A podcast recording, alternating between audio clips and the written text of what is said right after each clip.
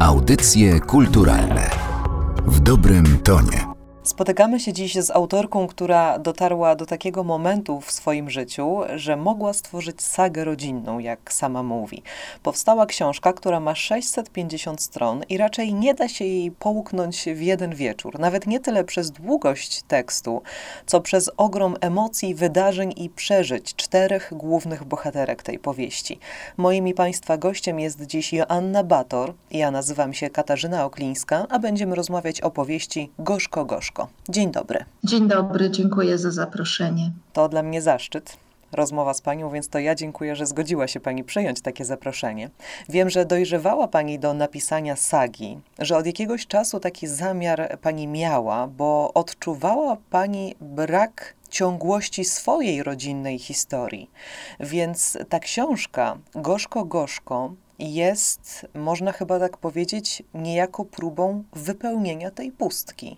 Myślę, że brak mojej osobistej historii rodzinnej, w sensie ciągłej, potężnej narracji, która ciągnie się przez pokolenia, jest jednym z napędowych motorów mojego pisania w ogóle, już poczynając od Piaskowej Góry. A saga, taka pełnowymiarowa, gęsta i wielka saga, chodziła za mną już od wielu lat. Towarzyszyła mi w drodze ta myśl, że Kiedyś chciałabym napisać historię kilku pokoleń kobiet, ale mam tutaj taką hipotezę, która powstała całkiem niedawno, właśnie przy pisaniu Gorzko Gorzko, że aby napisać sagę, trzeba się zatrzymać i zadomowić bardziej niż ja byłam zadomowiona przez całe moje dorosłe życie.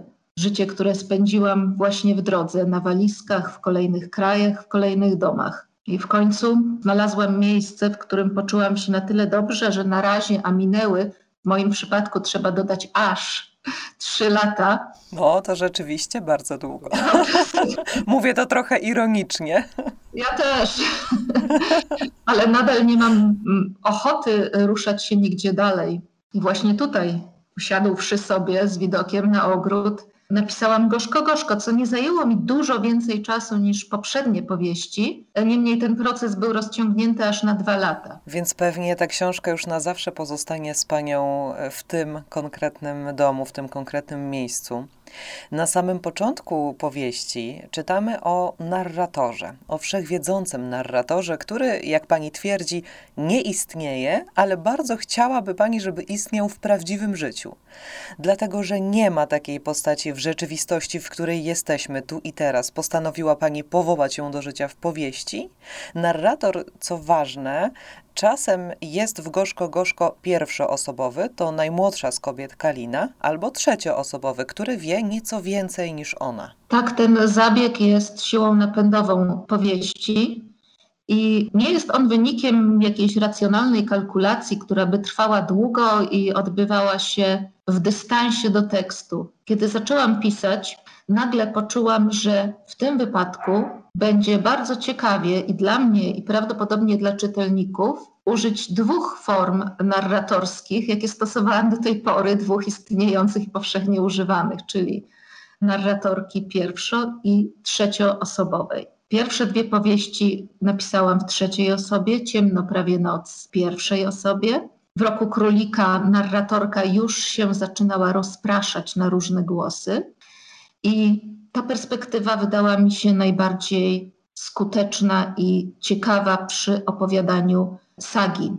W momencie, kiedy Kalina jest bardziej pewna siebie, staje się paradoksalnie narratorką trzecioosobową. A kiedy chowa się, staje się narratorką pierwszoosobową i wtedy trochę z czytelnikiem igra, bo jest to, mimo iż główna właściwie postać sagi, bo ta, która opowiada, jest najmniej dookreślona. Najtrudniej ją uchwycić jest cały czas w procesie stawania się i czasem w jednym zdaniu przechodzi między formą pierwszoosobową i trzecioosobową. Wydaje mi się, że cały ten temat narratora, w tym przypadku narratorki czy narratorek, to delikatna polemika z naszą noblistką Olgą Tokarczuk, która dąży w swoich powieściach do stworzenia, powołania do życia narratora idealnego, jak ja go nazywam. Pisarka mówi o nim czuły narrator. Koncepcję czułego narratora opisała w mowie noblowskiej. Czy to, co pisze pani o narratorze, to odwołanie do tego utopijnego świata narratorów Olgi Tokarczuk? Czy to taka teoria, już teza zbyt daleko idąca? Na pewno nie świadome, dlatego że kiedy pisałam tę książkę, co trwało dwa lata, nie znałam oczywiście mowy noblowskiej Olgi. Bardziej świadomie jest to gra z męskoosobowym, wszechwiedzącym narratorem takim, który wydaje się sobie potężny, sprawczy i właśnie wszechwiedzący czyli z męską, męskocentryczną literaturą. W mojej książce, we wszystkich moich książkach, ale w Gorzko Gorzko najbardziej widoczne jest to, że mężczyźni, bohaterowie męscy, nie są aż tak konieczni do powstania narracji. Narracji, w której jednak coś się dzieje, która nie jest tylko samoodnosząca się do jakiegoś życia wewnętrznego, czy nie jest tylko takim miętoszeniem artystycznym języka. W pewnym momencie pada tam takie zdanie, że mężczyźni w tej historii są tylko dziurami w kształcie męskim, właściwie nie tak koniecznymi, aby historia posuwała się do przodu, o swojej narratorce lubię myśleć, że jest raczej uważna niż czuła, bo bywa i czuła, bywa również chwilami okrutna, a zawsze jest uważna. Stara się być bardzo uważna, ta kalina podzielona na dwie osoby, pierwszą i trzecią. W ogóle konstrukcja narratora to jest, narratorki, używajmy tej formy, jest podstawowa. Bez tego nie ma dobrej opowieści. Trzeba poczuć tą która mówi, tą, która opowiada, żeby mieć pewność, że podąża się we właściwym kierunku. Zostawmy więc narratorki, przejdźmy do bohaterek, które są fascynujące, chociaż jedna z bohaterek po trosze jest również narratorką. Opowiada Pani historię kobiet przeciętnych, nie najbardziej inteligentnych na świecie, nie najpiękniejszych, z kompleksami i zawiłymi losami, po prostu zwyczajnych. Historie, które opowiadają też o Polsce, i o jej losach, bo poznajemy je mimochodem. Życie tych kobiet zostało zdeterminowane przez czasy, w których żyły. Miała Pani taki zamiar opowiedzieć kawałek historii Polski nie wprost? Czy wyszło to tak przy okazji? Zdecydowanie. To był zamysł, który towarzyszył mi od początku, bo gdzieś na samym początku tej historii była taka potrzeba, pragnienie dojmujące, moje osobiste, żeby moją własną historię emancypacyjną, historię kobiecej drogi opowiedzieć przez fikcyjne postacie. Od wczesnej młodości do momentu, w którym jestem teraz. W Gorzko Gorzko ta historia ciągnie się aż od 1938 roku, kiedy poznajemy Bertę, prababkę Kaliny, która wychowywała się w wiosce Langwaltersdorf, dzisiaj Unisław Śląski. I to są czasy straszne, to są czasy ogromnej opresji. Miejsce kobiet jest w kuchni, w kościele, przy dzieciach. Bardzo czas trudny, właściwie uniemożliwiający Bercie jakikolwiek ruch. Dlatego Berta w tej historii reprezentuje wściekłość i złość, które nie mogą przynieść pozytywnych rezultatów, bo nie ma jak. Później jest Barbara, która już wychowuje się w Polsce ludowej i doświadcza pewnej wersji emancypacji, którą łapie swoimi drobnymi, silnymi rączkami. Chociaż mocno pokiereszowana przez los. Straszliwie, bo każdą z moich bohaterek determinuje to, co na zewnątrz, czyli warunki ekonomiczne, polityczne, społeczne danego czasu i to, co w środku, co, czego doświadczyły w relacji z najbliższymi, z rodzicami. Więc Barbara w momencie, kiedy ma swoją pracę i swoje mieszkanko, zyskuje jakiś rodzaj wolności i, i, siły, i dlatego jest w stanie otworzyć się na, na piękną miłość, która przyjeżdża na pięknym motorze. Mhm. I później mamy Violettę, która, Violetta mogę zdradzić w sekrecie, miała być dokładnie w moim wieku, ale czas historyczny to jest moja pięta achillesowa i zawsze coś kręcę, więc jest troszkę starsza.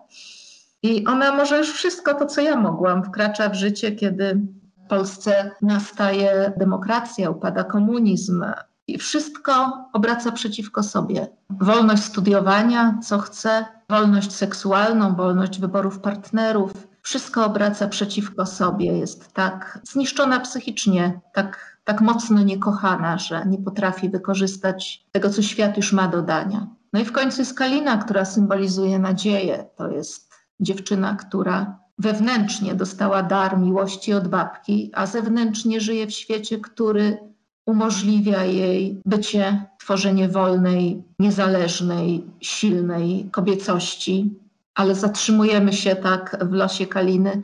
Nie wiemy, co z nią będzie dalej. Mamy tylko nadzieję, że prawdopodobnie ona sobie da radę. Poznajemy więc przez pryzmat tych czterech kobiet historię Polski, ale to co ważniejsze, to historia regionu, bo pierwsza z kobiet, Berta Koch, pierwsza z bohaterek, to przecież postać, którą wzorowała pani na Annie, którą to odnalazła pani w okolicach Wałbrzycha, konkretnie w Unisławiu Śląskim. Ten zakątek kraju jest dla pani nieustająco inspirujący. Tak, przy poprzednich książkach muszę przyznać, że odbierałam to trochę jako przekleństwo. Dominował ten, ten nurt. I dopiero przy Gorzko Gorzko uświadomiłam sobie, że ta matczyzna literacka, której pozbyć się nie sposób, bo to nie jest już kwestia wyboru, to jest, to płynie mojej krwi, ten związek z Dolnym Śląskiem, że jest to błogosławieństwo. I dopiero przy Gorzko Gorzko moja matczyzna literacka zaczęła się poszerzać w bardzo ciekawy dla mnie sposób o nowe miejsca. Unisław Śląski, Sokołowsko, czyli przed wojną Gerbersdorf, to były miejsca, które niewiele dla mnie znaczyły, kiedy tam mieszkałam przez pierwsze 18 lat życia. I dopiero teraz, jako dorosła osoba, już po książkach, zaczęłam je poznawać. I był spacer w Unisławiu Śląskim, padał śnieg z deszczem, czyli taka atmosfera typowa dla moich opowieści. Byłam z Mateuszem Myketyszynem, to jest mój przyjaciel z Wałbrzycha, prezes Fundacji Księżnej Daisy. Poznaliśmy się za sprawą ducha Księżnej Daisy, można powiedzieć. I on mnóstwo opowiada. Człowiek audiobook to jest niebywałe, ile ma historii regionu w głowie. I to jedna historia, że była pewna Anna, dokonała strasznego czynu. Bardzo niewiele o niej wiadomo to raz, Dwa, jest spore prawdopodobieństwo, że to był fake news, że ta historia w ogóle się nie wydarzyła. Ale to nieważne, liczy się historia. Ja tę historię wzięłam, zupełnie przerobiłam, przeniosłam w czasie, no i nadałam jej mięso. To mięso to tutaj. I w przenośni, i dosłownie. tak. Zostańmy na razie w Unisławiu Śląskim i zostańmy przy Bercie to jest pierwsza kobieta, tak jak już pani zaczęła trochę o tym mówić, która się wyzwala. Powiem tylko tyle, żeby nie zdradzać za wiele, bo nie wiem, ile możemy powiedzieć, żeby nie zacząć streszczać książki. Spoilerować, jak to się ładnie mówi, tak. Berta, piękna Berta, bardzo czysta kobieta. Tak jak wspomniałam, reprezentuje wściekłość, czystą złość. Podobnie jak te, które nastąpią po niej, pragnie miłości i wolności, ale jest najbardziej uwięziona z całej tej czwórki. I mimo tego pragnienia, bardzo silnego w przypadku Berty, nie uda jej się uwolnić tak, jakby chciała. To pragnienie złotej Pragi będzie musiało poczekać trzy pokolenia, aż przejmie je Kalina. Też ważne jest w przypadku wszystkich moich bohaterek, oprócz tego pragnienia miłości i wolności, to, jak one ulegają iluzjom, które kobietom oferuje świat. Właśnie z tym uleganiem iluzjom bardzo identyfikują się moje czytelniczki. Berta myli miłość z pożądaniem, karmi się romansami, takimi tanimi romansami, które czyta w swojej bibliotece w Unisławiu Śląskim. I kiedy pojawia się ten piękny młodzieniec na wozie wędrownego Bułgara Kruma, zwanego też Turkiem Nasrallachem, wpada po uszy. Wpada po uszy i roi sobie przepiękne historie o życiu w Złotej Pradze, które po prostu nie mogą się spełnić z wielu różnych powodów. Berta jest kobietą, która mimo wielkiej siły charakteru i mimo tej złości, która jest też ogromną mocą w jej rękach, nie wie nawet, jak do Pragi dojechać, ile kosztuje bilet. To pragnienie będzie musiało poczekać. Równie pokiereszowana przez życie jest Barbara, która należy do pokolenia tuż powojennego i która ma w sobie tak wiele traum, że chyba nie potrafi normalnie żyć. To jest trauma dziedziczona, która jest powracającym elementem w pani twórczości. To jest jeden z głównych motywów takiego mojego życia intelektualnego, artystycznego w ogóle. Coś, co mnie fascynuje, przeraża i co będę rozgrzebywać pewnie do końca moich dni. Czyli to, jak to, czego doświadczyli nasi przodkowie, wpływa na nasze życie. Nawet jeśli dziadkowie, babcie nigdy nie mówili, nawet jeśli milczeli jak krypty, to i tak to, co wyparte, powraca i ryczy jak godzilla. To, co zmiecione pod dywan, promieniuje jak odpady radioaktywne. Tych historii, które słyszałam, których sama doświadczyłam, jest wiele i, i trauma transgeneracyjna jest już nie tylko przedmiotem namysłu nauk humanistycznych, ale też nauk ścisłych, badań nad pokoleniami holokaustowymi, gdzie w trzecim pokoleniu można zaobserwować wykrywalne zmiany w genotypie spowodowane traumą. Ja nie doświadczyłam w swoim życiu traumy transgeneracyjnej aż w takim stopniu, który pozwoliłby na opowiedzenie tej historii i zrobienie z niej porządnej powieści. Niemniej również tak. Samobójcza śmierć brata mojego ojca była taką godzillą spłaszczoną pod dywanem, która ryczała, napełniając dom smutkiem, roztrzęsieniem, brakiem poczucia bezpieczeństwa. Oczywiście dochodziłam do tego przez lata, bo to wydarzenie było otoczone całkowitym milczeniem. Wyparcie, dysocjacja i, i ciągle obecny potwór, który sprawiał, że dom, w którym się wychowywałam, był głęboko nieszczęśliwy.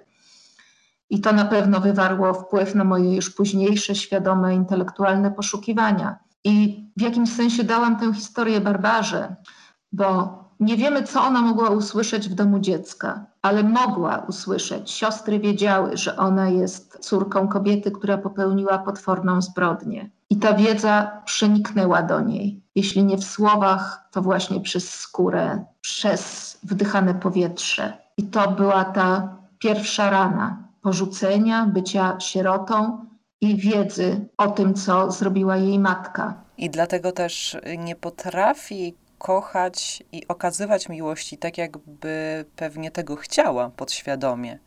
I kolejne pokolenie kobiet, które reprezentuje Violetta przez V i 2T, to jest e, z kolei postać, e, której się nie udało i która jednocześnie budzi wręcz wstręt, choć tak naprawdę to postać tragiczna.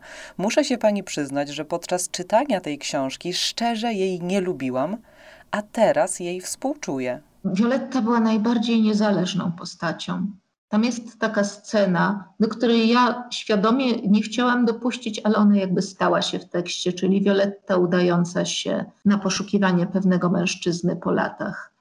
Z tym swoim scenariuszem w głowie, z doczepionymi włosami blond. Mówiłam, nie jedź tam dziewczyno, naprawdę, oszczędź nam tego. Jednak jak wiemy, pojechała. Violetta, drama queen, kobieta histrioniczna, niekochana i nie potrafiąca kochać, wchodząca w relacje, w których wyobraża sobie o wiele więcej niż one znaczą, projektująca na tych biednych mężczyzn wyobrażenia o nich, którym oni ani nie chcą, ani nie potrafią sprostać. Moim zdaniem jest, tak jest głęboko tragiczna i tutaj jest wiele głosów czytelniczek i nawet czytelników, którzy w Violetcie odnajdują siebie i myślę, że tak, wiele z nas w pewnych zachowaniach Violetty może odnaleźć swoją skłonność do ulegania pewnym iluzjom, zwłaszcza kiedy byłyśmy, kiedy byłyśmy młodsze. Dlatego tak bardzo nie lubimy Violetty przez fałę. Wyjaśniło się. Widzimy te wszystkie głupoty straszliwe, bezsensowne, które się popełniało na złość sobie. Ona jest tragiczna też w tym sensie, że ona może wszystko. Może wszystko, tak jak wspomniałam, ona jest prawie moje, moje pokolenie. Czyli może skończyć sobie tą polonistykę, jest inteligentna. Może wszystko i każda decyzja, którą podejmuje, jest skierowana przeciwko niej, bo gdzieś głęboko jest to przekonanie, że nie zasługuje na szczęście, nie zasługuje na miłość. Biedna Violetta. Biedna Violetta i biedna Kalina, córka Violetty. Powiedziała pani, że Kalina jest pani najbliższą postacią. Jest tak naprawdę zwieńczeniem tej kobiecej siły w gorzko-gorzko.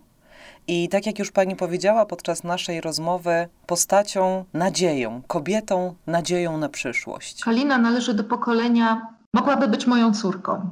I kiedy ją pisałam, to z jednej strony oczywiście Kalina reprezentuje to, co w mojej własnej historii kobiecej, emancypacyjnej się udało. Siłę, harmonię, drogę do miejsca, w którym warto być, w którym chce się być.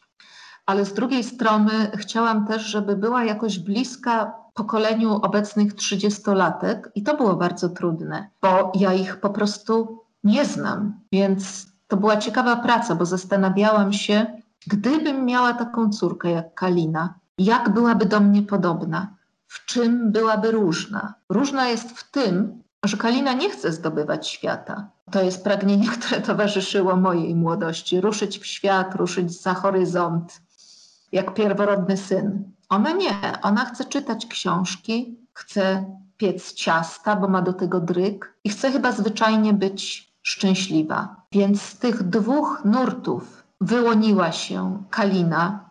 I tak jak wspominałam, zostawiamy ją ciągle w procesie. Zostawiamy ją z wielkim psem, to przez nią mam teraz psa, mhm. bo to pragnienie się zmaterializowało, kiedy pisałam postać. To są takie uboczne skutki tworzenia prozy, że coś nagle później staje się pragnieniem twoim, co było pragnieniem bohaterki. Więc zostaje tam, wróciła do źródła, tam gdzie, gdzie poczęła się jej prababka. Wraca do Sokołowska, i zostawiamy ją z kolejnym pozytywnym bohaterem zarysowanym bardzo mgliście, z mężczyzną, który przynosi w darze smarce wiosenne, zresztą wspaniałe grzyby, i z wielkim psem, którego dziedziczyła po Bazylu Ochenduszce, jasnowidzu i takim poruszycielu historii. To jest taka postać, która przemyka w tle i wprawia w ruch narrację. Bardzo lubię takie tajemnicze postaci, co wszyscy się później zastanawiają, a co on właściwie znaczy i kim jest. Tak samo jak pies, który tak naprawdę nie wiadomo, czy nie jest wilkiem. Ale chcę zapytać na koniec panią o jedną ważną, zarówno dla mnie, jak i dla pani, to wiem z całą pewnością, rzecz. O mięso. Ojciec Berty Koch, zresztą i ona sama zajmują się przygotowywaniem mięsa i mięso właśnie, jego jedzenie, jest ważne i jest pewnego rodzaju katarzis. Wiem, że to dziwnie brzmi, ale żeby nie zdradzać zbyt wiele, ale jednak odsłonić pewną tajemnicę, chodzi o jedzenie mięsa nutri czy mięsa ludzkiego. Jak, jak ten pomysł narodził się w Pani głowie? Dlaczego? To jest, to jest to pytanie, które chcę Pani zadać, bo domyślam się, że są jakieś powody, dla których poruszyła Pani ten temat. To jest pytanie, dlaczego historia Anny, która zdarzyła się bądź nie, historia, którą słyszałam na cmentarzu w Unisławie Śląskim, wywarła na mnie takie wrażenie. Chyba możemy to powiedzieć, bo myślę, że to, to już było mówione i to nie zaszkodzi czytelnikom, którzy nie znają książki. Już Anna zabiła i zjadła swojego ojca.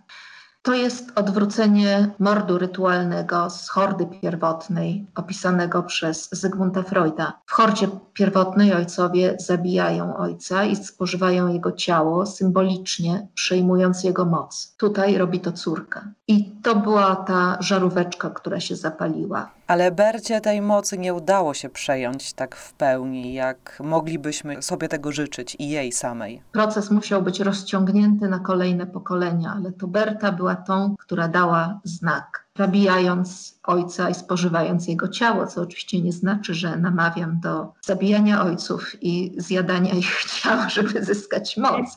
Natomiast symbol jest pełen mocy. To jest jeden z takich symboli, który znajduje się i, i czuje się, że one wprawiają w moc narrację. Drugi wątek związany z mięsem jest już bardzo osobisty. Pisząc tę książkę, wiem, że już raz i na zawsze zostałam wegetarianką. U mnie to był proces rozciągnięty na 25 lat. upadków i wzlotów. Jestem smakoszką, lubię gotować, lubię jeść i po latach niejedzenia mięsa upadałam w to mięso. Natomiast kiedy pisałam tę sagę, rosło we mnie obrzydzenie do spożywania ciał zwierząt i ono nadal trwa. Więc to jest kolejny taki skutek uboczny, oprócz psa, gorzko, gorzko w moim osobistym życiu. No i myślę, że wszystkie osoby, które sięgną po gorzko, gorzko, będą miały taki odruch co najmniej zniechęcenia do mięsa. Bardzo dziękuję Pani za to spotkanie. Naszym gościem była dzisiaj Joanna Bator, autorka sagi rodzinnej, powieści Gorzko Gorzko. Dziękuję bardzo. Audycje kulturalne w dobrym tonie.